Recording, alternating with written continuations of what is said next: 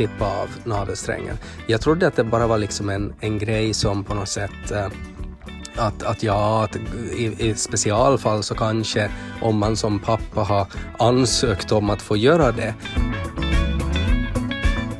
Uh, jag pratar inte ens. Jag, liksom Dolan hon får ju sköta allt det där se till. Hon till och med matar mig i något skede att nu blir ditt blodsocker för lågt så är någonting. Vet ni, så här. Så jag bara för, satsar på att bara försöka vara närvarande.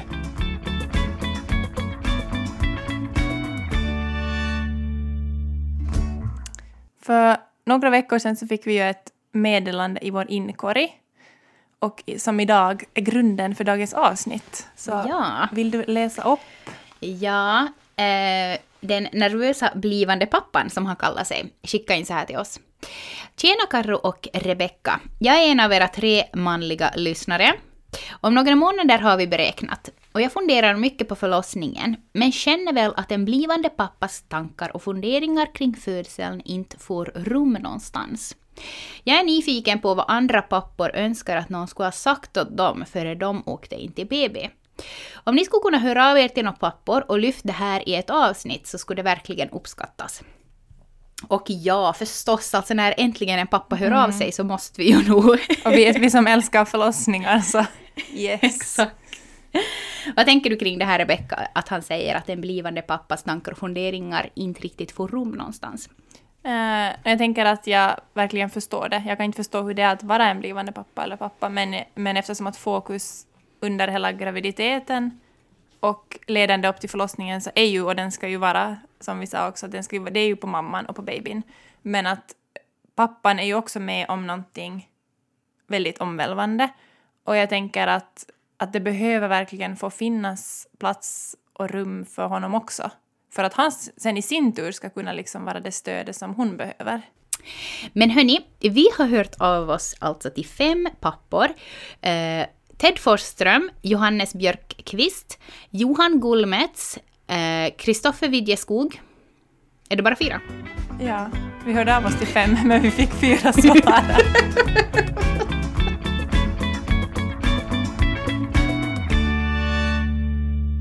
Vi ska börja med att höra vad Johannes, som också kallas för Hannes, har att säga. Bland annat säger han “Blir du kallad för saker, svälj det direkt”. Morgens, Karro och Rebecka. Här kommer eh, svaren på frågorna. På fråga nummer ett, jag önskar att någon skulle ha berättat. Så jag skulle säga att jag hade väskan ganska fullpackad. Och, och det som sist slutligen sker under en förlossning så kan inte riktigt någon förbereda sig för eftersom alla förlossningar, förlossningar ser så olika ut. Men jag gick olika kurser, jag pratade mycket med olika vänner inför förlossningen. Så det finns inte riktigt någonting som jag önskar att någon skulle ha sagt åt mig för att allting hade i princip redan blivit sagt, skulle jag säga. Och på svaret på, på fråga nummer två så tar jag med känslan av att bli omkullkastad och sedan stiga upp igen. Det kändes lite som man skulle vara en, en dator som inte riktigt har blivit på länge uppdaterad. Och efter förlossningen, när du har barnet i famnen så blev man lite som en sorts uppdaterad version av sig själv. Värderingarna som man har haft förändrades och har som tidigare varit viktigt var mitt, mitt i allt och helt plötsligt ganska ov oviktigt.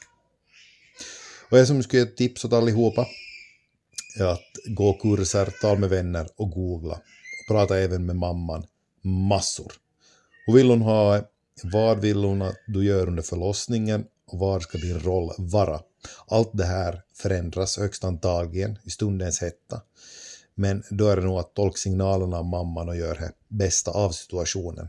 Blir du kallad för saker du kanske inte tidigare blivit kallad så sväljer du det direkt och så fortsätter du att stötta mamman. Och, och vill, du att, vill hon att du håller avstånd så håller du helt enkelt avstånd. Tolka situationen och se vad som passar bäst just där och då. Och, och just den dagen så är ju mamman 100% i fokus. Så ställ upp och gör ditt yttersta för att hjälpa hon helt enkelt med allt. Kommunikation, kommunikation är ju A och O i förhållande. Och inför en förlossning och under en förlossning så är det synnerligen A och O. Hannes betonar att man ska prata massor med alltså sin partner inför förlossningen. eh, hur hon vill ha det och vad, vad hon vill att du ska göra under förlossningen och sådär. Alltså, jag tänker bara att inför vår första förlossning, om Robert skulle ha frågat av mig, så här att vad, vad vill du att jag ska göra under förlossningen och eh, hur vill du ha det och sådär. Alltså, vad, jag vet inte vad jag skulle ha svarat inför första förloss, alltså inför vår första förlossning. Nej, det var det jag också tänkte, när jag hörde honom så tänkte jag också att, eh, när han också sen sa där att, att hade man gått på kurser och sånt här, så jag tror också att skulle, eh, vi hade inte gått på någon kurs annat än den här rådgivnings då med, inför första, så då tänkte Ja. jag också att jag var inte så jättedjupt insatt, så jag vet inte heller vad jag skulle på något sätt... Alltså jag, jag vet inte ens vad jag ska kunna förvänta mig, liksom mer än typ det som vi hade pratat på rådgivningen. Ja, Jag, alltså vad skulle vi ha pratat om mera? Jo, så därför tycker jag också att det är som ehm, viktigt det här som Johannes också säger, att han tipsar om att gå på kurser. För att det kan låta som tråkigt, liksom att åh, sätt sig ner typ en, på en stol och sitt där med en massa andra par, att åh, liksom kliché. Men alltså att gå på kurser inför förlossningen, alltså förlossningsförberedande kurser, alltså det är ju nog verkligen guld värt. Och det, det i sig så kan ju väcka, liksom, eller jag tycker själv att det väckte väldigt mycket ämnen att diskutera vidare sen hemma. Och sådär frågor inom mig och kanske frågor inom Jim och så blev det som en... Alltså som inte bara själva den här kursen, men just att det väckte saker att sen fundera vidare på och diskutera vidare. Så tusen tack för ditt meddelande, Johannes. Vi ska gå vidare till eh, Ted Forsströms meddelande. Och han betonar att man ska våga stå på sig och man kan faktiskt vägra saker vid BB.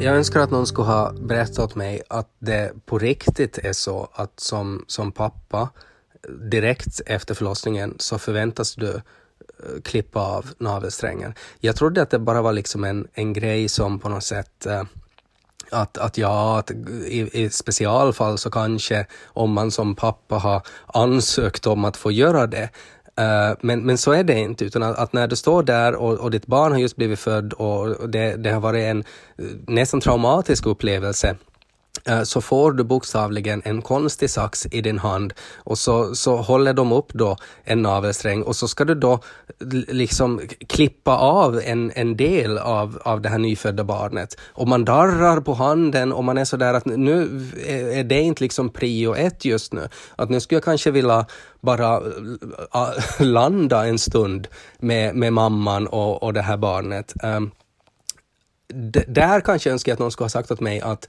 att man kan också kanske säga innan att om man vill det eller inte. För jag tror inte att jag egentligen var så jätteintresserad av att göra det, men att sen blev det på något sätt att jag nu bara gjorde det. Men ändå, jag skulle kanske ha velat veta att det är någonting som faktiskt händer och det är någonting som man säkert också kan tacka nej till om man vill. En grej som hände under vår förlossning så var att ehm, vi hade inte ett familjerum på BB utan att vi hade ett sånt här eh, vanligare rum, jag vet inte vad man ska kalla det, ett rum där det fanns liksom flera mammor. Eh, och ehm, vad det egentligen innebar så var att eh, det var bara i familjerummen som eh, pappan också fick vara över natten. Eh, och eh, vi hade en ganska jobbig förlossning ehm, och, och, och, det, det, det tog jättelänge. Eh, min sambo var, var väldigt trött och, och, och var i ett sånt skick att hon ville inte vara ensam. Ehm, och när det då blev kväll och, och så fick vi då meddelanden att nu måste jag då som pappa, nu måste jag fara därifrån för att vi har inte ett familjerum så jag får inte vara över natten. Så då bestämde jag att, att jag vägrar. Jag sa nej, jag tänker inte fara hem utan jag tänker vara här med min sambo och vår son över natten. Uh, och uh, då blev de lite paffa och sa att nej men det får du inte för att ni har inte ett familjerum. Och så sa jag men att jag, och jag är fullständigt medveten om det men att jag tänker inte uh, fara härifrån, att jag tänker vara här. Och att jag var lite omöjlig och, och det ledde till att jag fick vara där över natten. Och det kan vara ett, ett, ett ganska bra tips att veta att man kan också lite stå på sig ibland för att få sin vilja igenom. För att man hamnar in i ett sån här eh, lite sån här mode att man, man bara går med på allt att ja, ja förstås, för man vill inte vara i vägen som pappa, för det handlar egentligen om den här mamman. Eh, men i det där skedet så handlar det ju också om mamman min sambo ville inte vara ensam. Det skulle ha varit jättejobbigt för henne om jag skulle ha måste fara därifrån. Så därför så, så var det en självklarhet för mig att jag vägrar göra det. Och så fick jag vara där över natten. Så det är som ett litet tips om ni är med om samma. Om ni inte har tillgång till ett familjerum. Man kan stå på sig, man kan vägra och så kan man vara där uh, för sin sambo som just har fött ett barn. Ja, hur reagerade Jim första gången han skulle klippa av navelsträngen? Ja, han har bara som sagt att det var så dåliga saxar. Alltså det var så segt och det kändes som att... Eh... Jag tyckte det var jätteroligt det här att han liksom tänkte att, att det är någonting man ska ansöka om att få ja. göra. För det liksom tycker jag också tar oss in på den här diskussionen att eh, man på något sätt tycker att liksom barnet lite är som BBs mm. egendom typ. Liksom att vi måste ansöka om att få klippt navelsträngen ungefär. Att, att om man ska göra någonting utöver det vanliga så då så ska man som ha lov och sådär. Eh, men att minnas att, att det är ju ert barn. Mm. Och ni liksom får göra precis som ni vill. Men ja, eh, jag tror absolut det här som Ted säger att, att, eh, att man kan tacka nej. Att det kan man ju absolut göra. Mm. Men att om man inte ens vet av att man ska klippa navelsträngen så är det ju kanske lite svårt att mitt i allt bara som börjar säga bara som nej, nej, nej. Det blir lite märklig situation bara, kanske ja, sen. Att då är det väl liksom bara att de tar saxen och liksom gör som de säger. Men eh, också när jag hörde nu Teds meddelande så tänker jag också här att om någon barnmorska nu ja. hör det här så är det helt så här att ja, nu kommer alla pappor att bli helt liksom, bara för att Ted Forsström har sagt att man får nog lämna kvar på BB om man liksom vägrar få hem. Massa pappor som sover i typ korridorerna snart. Nej men jag tänker, det som jag tar på något sätt med mig från det och som jag tror att också vi lärde oss efter vår, liksom, efter våra, vår första förlossningsupplevelse var kanske det här att mera att, att på något sätt såklart, alltså, det är ju mer så att om man, att på, kanske mer sådär att våga vet du, känna in och vara i nuet och på något sätt se att, um, att mm. man omedvetet liksom bara far här, hem för att fara hem. Ja, precis. När man lägger sig platt. Exakt. Ja. Och det kanske ja. också, det tar ju oss egentligen in på det som, som vi har diskuterat jättemycket med Jim om efter vår tredje förlossning. Mm. Uh, det här om att vad hände, alltså som, vi blev ju separerade då, att Jim blev, for iväg med Valle till eh, intensiven och jag blev kvar. Och det var någonting vi inte hade pratat om före. Men kan inte du ta in, eller har du Jim hem? Är han hem? Han är där med barnen. Jag skulle kunna... Skulle han kunna komma hit så får jag fråga av honom vad han liksom tänker kring det och vad han önskar att någon skulle ha sagt om det till honom före. Jim! Älskling! Nu kommer han insmygande. Yes. Hej Jim! Hej! Så här från vardagsrummet. det här, jag och Rebecka kom in på det att äh, i, efter er tredje förlossning så önskar du och hon att äh, ni skulle prata om vad som händer ifall ni blir separerade. Eftersom att ni blev det, ni två, och du hade Valle med dig och Rebecka låg ensam. Äh, vad önskar du liksom att du skulle ha prata om med några kompisar eller kanske på någon kurs eller vad som helst kring det här med att bli separerad. Speciellt med, med tanke på vår senaste förlossning så önskar jag att någon skulle ha, ha sagt att det är viktigt att vi diskuterar på förhand att vad händer om inte går som är tänkt. Att nu hade vi eh, pratat mycket om under förlossningen, att hur ska vi, eftersom vi har två utdragna kämpiga förlossningar med oss i bagaget, att hur ska vi kunna stödja varandra och få en, en bra upplevelse före barnet har fötts. Men vi kanske ja. hade missat att att det kan ju också gå snett efter att barnet har fötts. Att vad händer just om vi blir separerade? Liksom att barnet måste tas under vård och, och pappan, som i det här fallet då, med och mamman blir lämnad kvar. Att hur ska vi då reagera och hantera han situationen? Ja, då var det också det att vi skulle ha med Dola, så vi på något sätt hade räknat med att skulle det hända, eller jag hade räknat med, tror jag, att då är hon ju den som typ guidar både mig och Jim liksom i mm. det. Men sen blev det ju så att hon inte kunde vara med, så då då blev det som att då hade vi ju inte överhuvudtaget alls förberett oss på den situationen. Mm. Nej, exakt. Mm. Men alltså hur blev det då Jim för dig? Vad var dina känslor när du var med Valle då och du visste att Rebecka var kvar i rummet? Det var jättekonstigt. Jag har svårt att minnas exakt hur jag tänkte. Det blev som... Först var jag ganska kaos. Det var som, kändes som på liv och död. Liksom han var på det behandlingsbordet först. Eh, och, och det här första chocken kom och, och sedan så lugnade läget sig lite och de bestämde att, att, att han är som typ okej, okay, men att han ska till intensiven, att pappan kommer med, och så ganska snabba ryck, pappan ska med. Antagligen var jag Ja. väldigt chockad. Ja. Eh, och sen så, vi stack iväg liksom i, i hissen, och personal var med och all möjliga liksom utrustningar och syrgasflaskor och, och rubbet.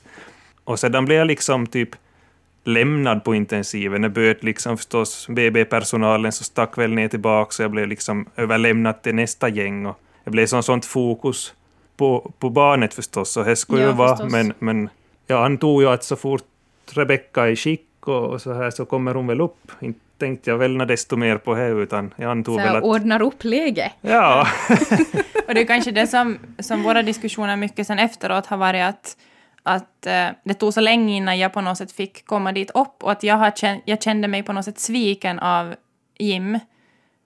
Att, jag vet inte, jag på något sätt kände mig som att, att det var mer sådär, för att han, du gick ju kanske med in i det här på något sätt automode med personalen och som att nu är det fokus på det här. Och för mig var anknytningen och amningen så viktig. Så när ni var som att gå ner och vila till andra avdelningen så var det ju som att någon skulle ha sagt att du är inte värd att vara med ditt barn, du behövs inte här. Och skulle vi kanske haft diskussionen före att det viktigaste är att du liksom bara gör allt du kan för att jag ska få, när babyn och jag mår bra, att vi får bara som vara nära varandra och tillsammans. Att det är som allt som betyder någonting. jo. och det skulle jag ju säkert ta in sitt. Om vi skulle diskutera det så skulle jag som har haft med i alla fall att jag vet hur viktigt det är att, att det här är- ska vara mitt fokus, att, att mamman får komma till barnet så fort som Ja. möjligt och, och få den där anknytningen. Och det visste jag ju på sätt och vis, men vi hade inte diskuterat så på något vis så tog liksom överlevnadsinstinkten över liksom och jag, jag skippade den biten. Och på något sätt kanske också det där... Eh, nej men jag kan bara tänka så där ur, ur våra förlossningars synvinkel, hur viktigt det på något sätt har varit för mig eh, att Robert alltid har varit, att han har som stått upp för mig. Ja. Och när man är nyförlöst mamma, så då har man liksom... Det är som att hjärtat är utanför kroppen på något sätt då man inte är med babyn. Och då liksom att höra det där att eh, när någon liksom... nej men jag kan bara tänka mig Rebecka att du skulle ha behövt höra där att, att Jim kanske skulle ha sagt då att, att nej men att, att vi tar en stol åt Rebecka här så kan vi sitta här och jag kan sitta här bredvid henne och hon kan vila i stolen. Kan vi ha honom hud mot hud? Att på något sätt liksom ta det här som mamman kanske inte orkar liksom att nu ska vi göra allting för att få vara liksom enade, trots att det är en situation som inte vi var beredda på. Och det är ju Liksom att- ganska samma som just det där som Ted på något sätt sa. Att, nej men att man inte hamnar in i det här automode och kanske Ja. där, just som, just som att såklart hamnar ju också du in i på något sätt någon form av fight or flight mode. Men jag tänker att, att skulle vi ha diskuterat det på förhand mera kanske och tänkt, det är också som att inte ska man ju förbereda sig på att någonting kommer att gå dåligt, men det är ju ändå bra att, för det är ganska vanligt att man blir ändå separerade en stund, åtminstone, liksom, fast det inte är något allvarligt. Så då kanske du lättare ska komma ner tillbaka till det och påminna dig om att men vänta nu, vad är min uppgift här nu? Tack Jim, alltså att prata igenom också det som man kanske inte vill egentligen prata om Exakt. inför förlossningen. Nästa pappa som vi har pratat med, det är Kristoffer Widjeskog. Och han vill påminna alla pappor om att ta med någonting till BB att äta. Han säger så här. När jag kommer att tänka på förlossning just med första barnet så tror jag att för många pappor så känns det inte riktigt verkligt förrän man faktiskt är på BB och alltihopa är igång. Det är först då som man så här konkret märker att jo, jag kommer att bli pappa nu. och Det är någonting väldigt stort och en av de få gångerna i livet som jag tror man får uppleva hela känslopaletten på en och samma gång. Det är lika skrämmande som som underbart när väl barnet är ut. Och om man låter sig känna alla de här känslorna så, så är det faktiskt en otrolig upplevelse. Och det här eh, som tips också till de som blir nya föräldrar att eh, de är väldigt, väldigt duktiga de som jobbar på BB och de gör det varje dag. Så våg lita på att de vet vad de håller på med och lyssna på vad de har att säga och finn trygghet i att de, de, de är proffs, de vet vad de, vad de håller på med. Och ta den hjälp man kan få, speciellt efteråt så är säkert mycket som inte funkar direkt med amning och sånt. Att ta, ta lite lugnt och ta den hjälp som går att få och lita på att det löser sig nog, det blir nog bra. Och det här pappor, ta med någonting att äta. För före barnet är ute så får inte ni någonting att äta på BB och det kan ta ganska länge. Så förbered er med några mackor och lite godispåsar och annat. Och det här är ju begränsat vad man kan göra som pappa också i situationen som under förlossningen, men har man varit på profylaxkurs före till exempel så kan man ju påminna mamman och finnas där och påminna om andningen och liknande och bara ens närvaro är viktig. Det kanske är jag främst kommer att tänka på under ämnet. Tack för möjligheten att vara med. Jag minns under våra förlossningar så har de ju kommit in med mat åt mig, nog. Liksom, eh, speciellt ja, de förlossningarna som har tagit längst så har det ju blivit en hel del måltider faktiskt. Um, jag har kunnat äta typ hälften, men sen så har nog Robert fått eh, hjälp mig. Och sen så tycker jag nog att de har varit ganska sådär att, att det finns ju det där kylskåpet där i, i, i det här kantinen, nej inte kantinen utan där på på BB-avdelningen, att fara dit bara och hämta sen om, om du blir hungrig och sådär. Um, så det här som Kristoffer säger att före barnet är ute får papporna ingenting att äta. det tycker jag lite var lite lustigt, men i och för sig, inte har de ju heller erbjudit en hel portion åt honom, så nog, jag håller ju nog också med om det där att det är bra att ha med någonting. Tack Kristoffer för ditt meddelande också. Som sista pappa ut så har vi Johan Gullmets. Vi ska höra på vad Johan säger. Jag önskar att någon hade berättat för mig att det inte är tack vare sjukhuset, BB eller barnmorskan som barnet föds. Det är tack vare kroppen, eh, den kvinnliga kroppen, alltså mamman, mammans mage, tack vare mammans kropp som bebin kommer att födas. Det är den här kroppen som själv vet bäst. Det är inte mamma som vet bäst, det är den här kroppen som själv vet bäst hur barnet ska födas. Det här hade jag önskat att någon skulle ha berättat åt mig före den första förlossningen. Det är i alla fall någonting som har varit viktigt här hos oss och nu när jag har varit med om tre stycken så har jag för varje gång insett det här mer och mer. I början försökte jag själv läsa på och förstå alla teknikaliteter kring hur det ska gå till och hur olika bedövningar fungerar och när de ska sättas in och hur tensapparaten fungerar och hur den där skärmen som finns i alla förlossningssalar eh, fungerar, vad den betyder, hur kurvorna ska läsas och vilket barn som nu egentligen är mitt och vilket som är någon annans. För varje förlossning så har jag försökt bry mig allt mindre om alla de där teknikaliteterna och mer och mer fokusera på att stödja min partner i det som vi håller på med. Att lita på att kroppen själv vet bäst hur barnet ska komma ut. Det är ingen annan, det är inte barnmorskan eller läroboken eller dolan eller jag som vet eller, eller när hon, min partner, ibland får olika idéer. Inte det hon heller som vet. Det är kroppen som själv vet bäst hur det här ska gå till, hur barnet ska komma ut. Allt vi, alla vi andra kan bara försöka följa med. Vi kan bara försöka följa, eh, stöda, uppmuntra och ge ro till att kroppen själv får arbeta för att föda barnet. Det här trodde jag inte alls, jag hade ingen aning om att det var så här, men nu efter tredje förlossningen så då, jag, jag gjorde ingenting annat än var bara närvarande, stödde, uh, jag pratade inte ens, jag liksom Dolan hon får ju sköta allt det där se till. Hon till och med matar mig i något skede att nu blir ditt blodsocker för lågt så ät någonting. Vet ni, så här. Så jag satsar på att bara försöka vara närvarande och en stödjande part och, och skita i allt det, liksom det tekniska och runt omkring. Och för oss har det funkat jättebra. Så det är nog mitt tips, att våga lita på att kroppen själv vet bäst.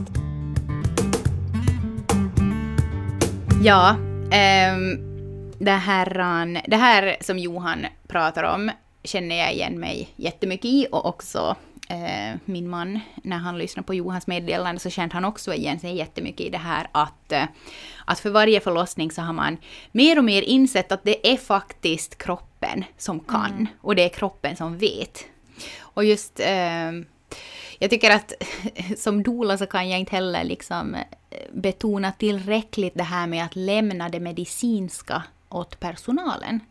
Jag minns under vår första förlossning så hade Robert ett papper där han skrev upp varenda liten grej som hände under förlossningen. Liksom, typ 13.36, de kopplar CTn, liksom 14.03, påfyllning Sen när han fick journalen, fick journalen efteråt så bara oj, ja, det här skulle jag inte behöva. Nej men precis, plus att tänk liksom vilket liksom fokus han måste ha på den där lappen.